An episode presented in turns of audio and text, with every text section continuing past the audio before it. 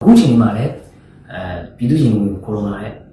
တက်မတော်သားတွေရေးအများကြီးရှိပါတယ်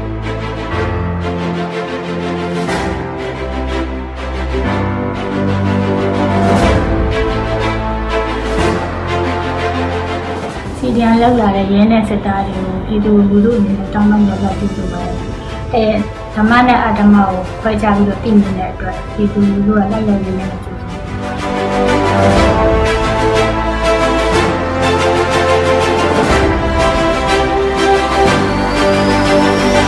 သူတို့ကတော့ပြည်သူဘက်ကရက်တည်တဲ့ဘက်တော်သားလို့ပြည်သူတွေအနေနဲ့ကတော့ဒါယူဆတယ်လေ။ဘာဖြစ်လဲဆိုတော့အစိုးရကနေပြီးတော့သူတို့ကခွဲထွက်တဲ့အတွက် အစိုးရကနေခွဲထွက်တဲ့လူကိုတော့အကောင်းလို့ပဲကိုကမြင်ရမှာပဲလေ။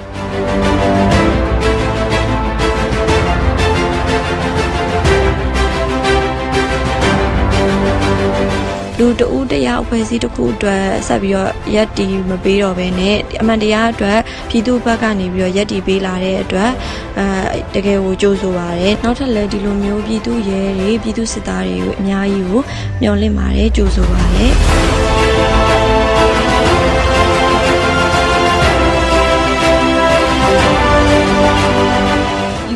သူတယောက်အနေနဲ့ကတော့အခုစီပြန်ဝင်လာတဲ့ဟိုရင်းနဲ့နန်းအားလုံးကိုတော့ကြိုးစုတယ်ပေါ့။ဘာလို့လဲဆိုပြည်သူဘက်တော်သားတွေဖြစ်တဲ့အတွက်ပြည်သူကနေပြီးတော့အများကြီးကြိုးစုပါတယ်ဟိုစစ်သားတွေအားလုံးကိုဝုန်းနေနေတာပေါ့ဒီလိုလိုမတရားချုပ်ချယ်နေစစ်ကောင်စီနဲ့နေရာမှာပုံသားတယ်ကျွန်တော်တို့ကဝုန်းနေလားကျွန်တော်တို့တိုက်ထုတ်ရမယ့်သူတွေမှာသူတို့ကနံပါတ်1ဖြစ်တယ်ချင်းချုပ်ခံထားရတဲ့ဘဝချင်းတူတူဖြစ်နေတဲ့ ခင်ဗျားတို့နဲ့ကျွန်တော်တို့ပြည်သူပြည်သားတွေနဲ့